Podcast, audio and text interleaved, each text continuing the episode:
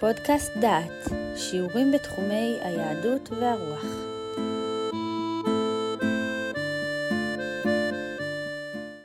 דבורה, ברק וסיסרא, שופטים, פרקים ד' וה'. אהוד הציל את ישראל והארץ שבתה שמונים שנה. ושוב מחזור מן המחזורים שספר שופטים מתאר לכל אורכו. חטא, עונש, תשובה והצלה. העם המעניש עכשיו הוא הכנעני. המלך הוא יבין מלך כנען, ושר צבאו הוא סיסרא. המושיעים הם דבורה וברק בן אבינועם, ועמם יעל אשת חבר הקיני, שבט לא יהודי, שממנו בא יתרו חותן משה. אם במלחמתו של אהוד לא יכולנו לקבל פרטים מדויקים על הקרב ועל המקום שבו הרג אהוד את מלך מואב, בקרב זה אנו מקבלים פרטים רבים ומדויקים, ואנו יכולים לבקר במקומות שבהם התרחש הקרב, ולראות בדמיוננו את הניצחון המתואר בשופטים בפרקים ד' וה'. הקרב מתואר פעמיים, פעם אחת בתיאור הפרוזאי של פרק ד', ופעם שנייה בשירת דבורה, החוזרת ומתארת את הקרב בלשון שירית, ומשני אלה אפשר לבנות את תיאור הקרב. קרב זה הוא בעל חשיבות עליונה בתולדות ההתנחלות של ישראל בארצו. כתוצאה מקרב זה נשבר כוחו של הכנעני עד שנכרתה שושלת המלוכה של יבין מלך כנען. נתחיל בתיאור גיאוגרפי של מקום הקרב. כדי להבין את מהלך הקרב עלינו להיזכר במבנה של הגליל ושל עמק יזרעאל. ניזכר במפה של החלק הצפוני של ארץ ישראל. ממזרח אנו רואים את ים כנרת, ממערב מפרץ חיפה של היום, ובין שני אלה הגליל התחתון. קצת דרומה ומערבה לגליל התחתון נמצא עמק יזרעאל. במרכזו של עמק יזרעאל עובר נחל קישון. נחל זה מנקז את המים היורדים בכל העמק, החל בהרי הגלבוע במזרח העמק ועד להרי הכרמל במערבו. כמות גדולה זו של מים הנשפכים לנחל קישון והקרקע שאיננה סופגת מים, גורמים לשיטפונות תכופים באזור נחל קישון. בתקופות רבות היה אזור נחל קישון אזור ביצות נגוע בקדחת. היום יש סכר ליד כפר ברוך, ואפיקי הנחלים הועמקו כדי למנוע הצפות. עמק יזרעאל ועמו עמק חרוד ובקעת בית שאן הם מעין מסדרון החוצה את עמק יזרעאל, את ארץ ישראל, לשניים. מהצפון הרי הגליל ומהדרום הרי יהודה ושומרון. עמקים אלה הם המעבר הנוח ביותר לרוחבה של ארץ ישראל, ובכל הדורות עברה בהם הדרך הראשית במסופוטמיה או מהרי אנטוליה לכיוון בקעת הנילוס. בימי שלום עוברים בארץ ישראל סוחרים, ובימי מלחמה חיילים. כאן התחוללו קרבות מכריעים במרוצת הדורות. במאה ה-15 לפני הספירה נלחם פרעה תוכמס השלישי במלכי כנען ליד מגידו. בתקופת השופטים היו בעמק שלוש מלחמות, מלחמת דבורה וברק בכנענים, מלחמת גבעון במדיין ומלחמת שאול בפלישתים. במאה ה-13 נערך בעמק הקרב שבו בלמו הממלוכים את המונגולים. בסוף המאה ה-18 הקרב בין נפוליאון לטורקים, ובימי מלחמת העולם הראשונה הקרב בין הבריטים והטורקים.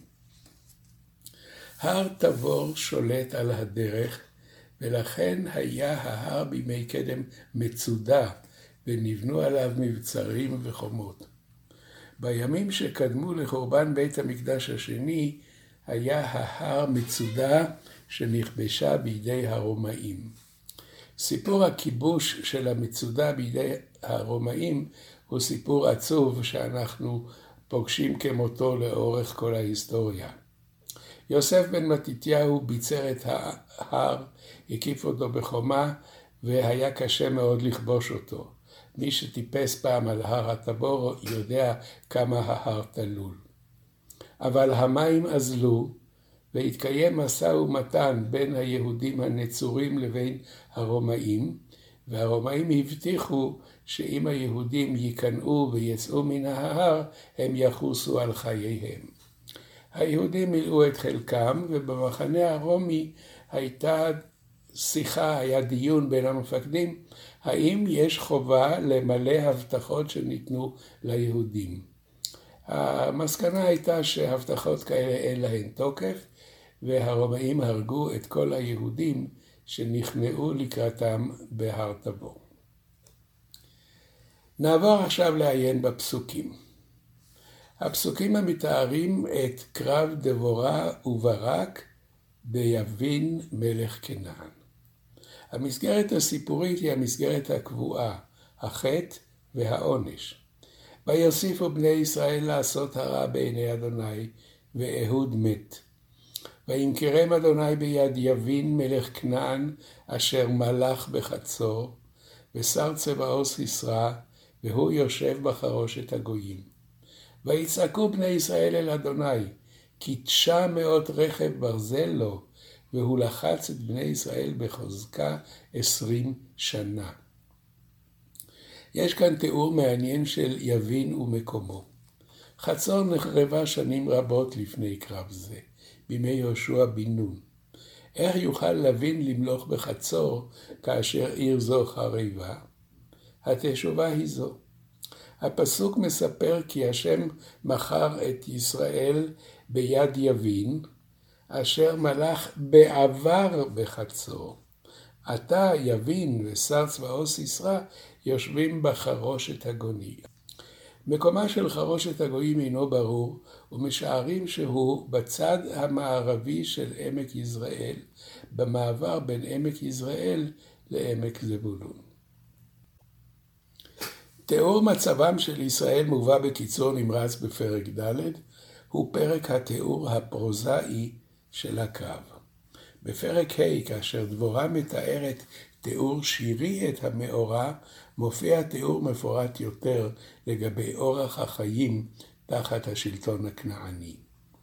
בימי שמגר בן ענת, בימי יעל, חדלו אורחות, והולכי נתיבות ילכו אורחות הכלכלות. חדלו פרזון בישראל, חדלו, עד שקמתי דבורה, שקמתי אם בישראל. השלטון בישראל מתפורר. הולכי דרכים אינם יכולים ללכת בדרכים ראשיות, כי שם שודדים אותם. אנשים חדלו לגור בערי פרזים שאינם מוקפות חומה, והם מסתגרים בעריהם המוקפות חומה מפחד הכנעני. נשים לב לתיאור צבאו של יבין. יש לו תשע מאות רכב ברזל, זה טנקים במושגים של ימינו, נשק שאי אפשר לעמוד בפניו, ולכן הוא יכול ללחוץ את ישראל בחוזקה עשרים שנה.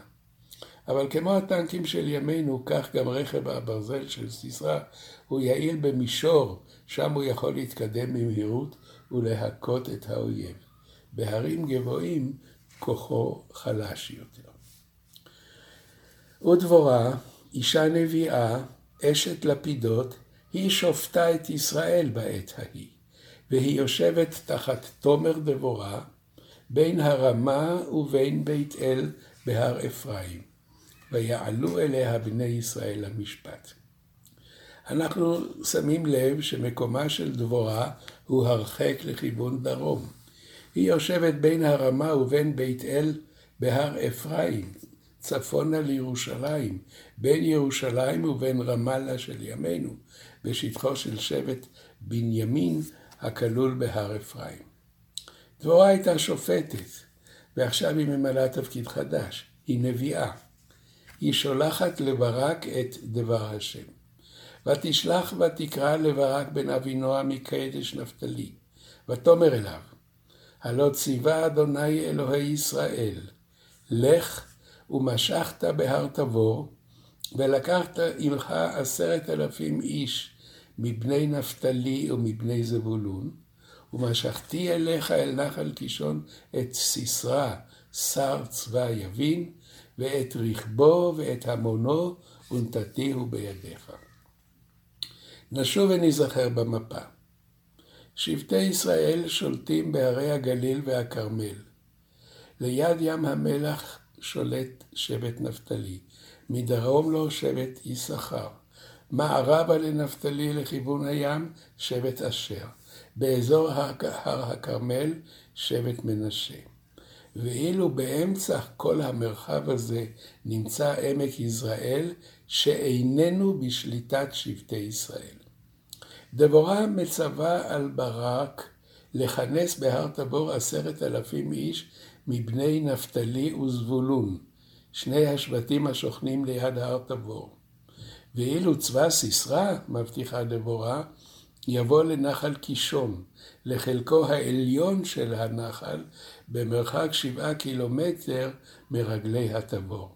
שם יובס במלחמה.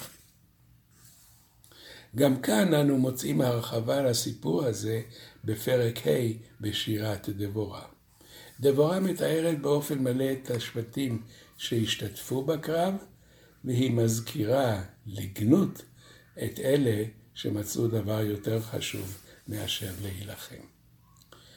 תחילה נראה את תיאור השבטים שהשתתפו בקרב. מיני אפרים שורשם בעמלק, אחריך בנימין בעממך.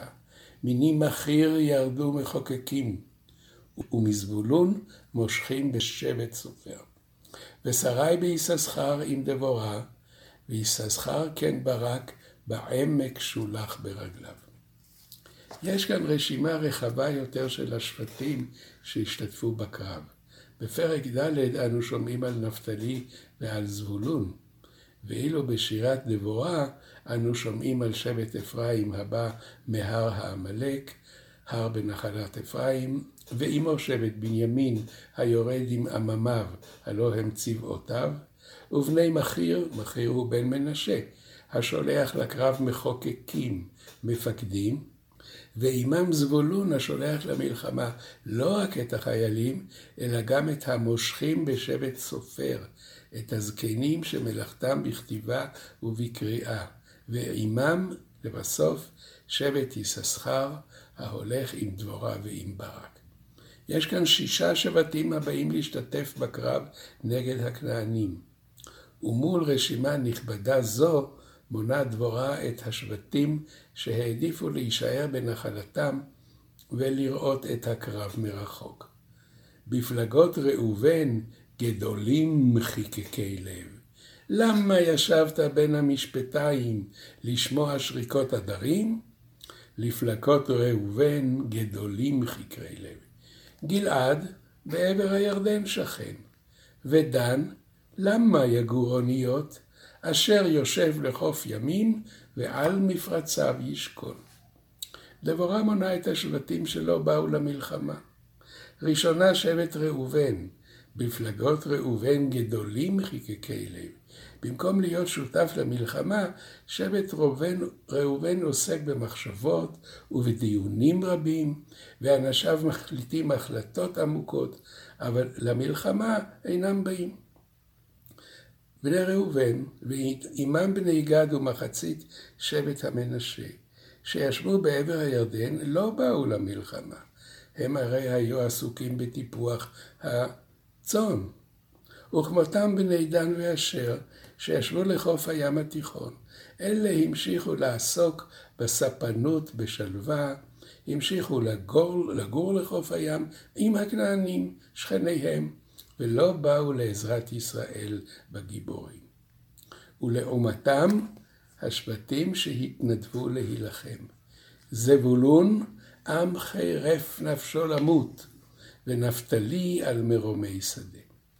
עד כאן דברי דבורה בשירתה, ואנו שבים לקרוא את תיאור הקרב בפרק ד', את התיאור הפרוזאי. תשובתו של ברק לציוויה של דבורה לצאת למלחמה מראה על כך שהוא מהסס. ויאמר אליה ברק, אם תלכי עמי, והלכתי, ואם לא תלכי עמי, לא אלך. ותאמר, הלוך אלך עמך, אפס כי לא תהיה תפארתך על הדרך אשר אתה הולך, כי ביד אישה ימכור אדוני את סיסרא. ברק רוצה הוכחה כדבר השם בפי דבורה, ולכן הוא דורש כי הנביאה תבוא איתו. כך יראו כל הלוחמים, כי הם יוצאים בשליחות השם למלחמה בכנען. דבורה באה עם ברק, וברק מזעיק עשרת אלפים איש להר תבור.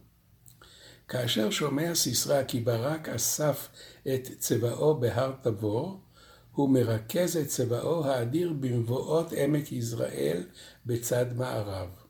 וכך נערכים להם שני הצבאות זה מול זה. ברק בראש עשרת אלפים איש בהר תבור, וממערב להם צבא של תשע מאות רכב ברזל, ועמו בוודאי חיל רגלים וחילות עזר רבים מאוד. נבואתה של דבורה מתקיימת. סיסרא וצבאו מתקדמים מחרושת הגויים לכיוון מזרח, לכיוון הר תבור. בדרכם הם עוברים באפיק נחל קישון, והנה קורה הנס. כוחם של הכנענים ברכב הברזל, וכוחו של רכב כאשר הוא יכול לנוע. אבל אפיק נחל קישון עולה על גדותיו בסוף החורף, האדמה מלאה בוץ, והמרכבות שוקעות ואינן יכולות להתקדם. רכב הברזל הופך להיות מלכודת מוות ליושבים בו, שאינם יכולים לנוע ואינם יכולים להגן על עצמם. כך קרא לפרעה מלך מצרים כאשר ים סוף כיסה את המצרים, וכך קראה לצבאות גרמניה הנאצית כאשר החורף הרוסי עצר את הטנקים והשקיע אותם בבוץ.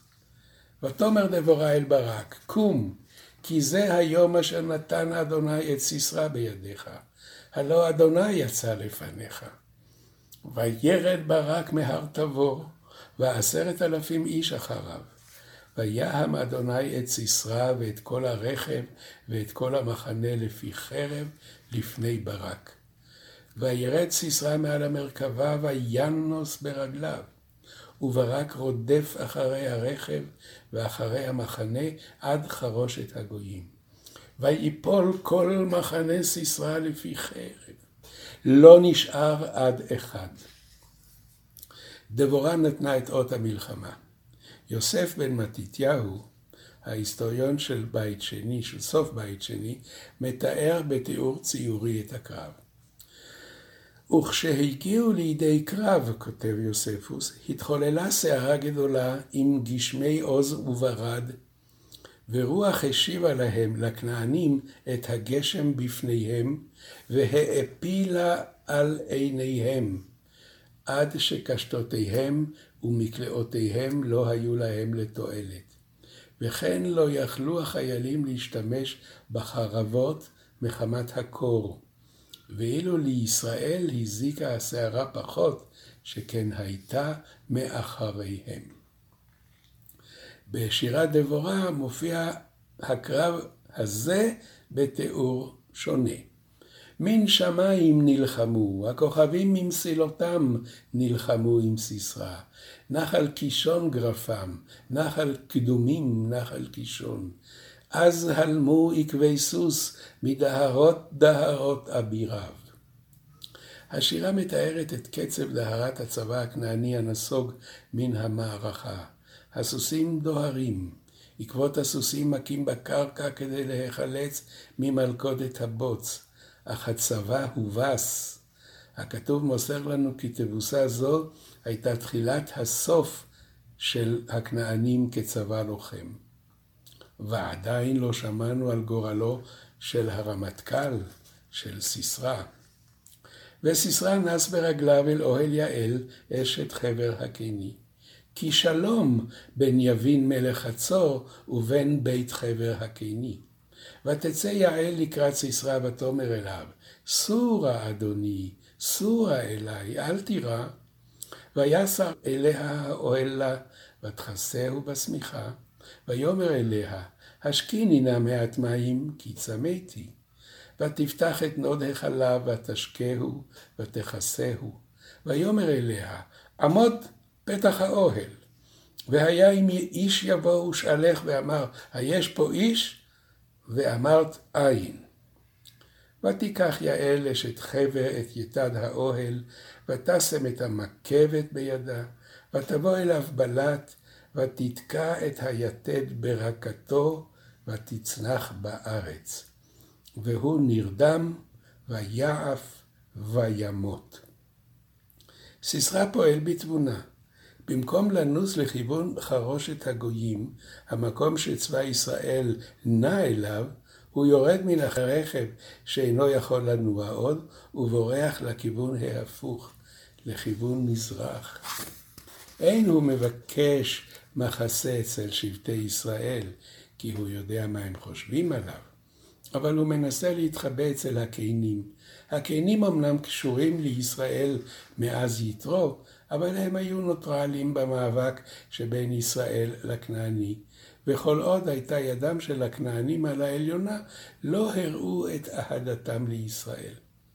סיסרא רץ ברגליו דרך של כ-15 קילומטר לכיוון מזרח. מתקרב לקדש, עירו של ברק. בדרך הוא נכנס לצעננים, מקום חנייתם של שבט הקינים. יעל יודעת את תוצאות הקרב, ולו רק ממראה פניו של המפקד הבורח ברגליו ומבקש מחסה. והיא ממלאה את נבואתה של דבורה בטרם קרב. ביד אישה ימכור אדוני את סיסרא. בשירת דבורה מופיע ציור דרמטי עוד יותר. תבורך מנשים יעל אשת חבר הקיני, מנשים באוהל תבורך.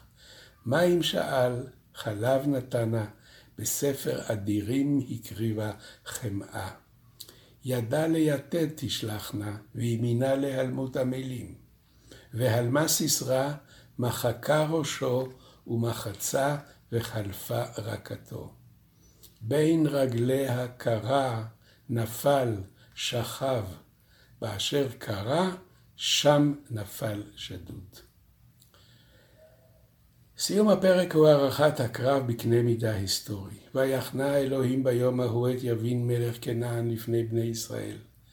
ותלך יד בני ישראל הלוך וקשה על יבין מלך כנען, עד אשר הכריתו את יבין מלך כנען. שלוש פעמים מוזכר בפסוקים אלה יבין מלך כנען. הכוונה איננה ליבין האישי, אלא ליבין השושלת, לבית המלוכה. בקרב הקישון הוכרע כוחם של הכנענים, ומאז הם נחלשו עד שעם ישראל הכרית אותם.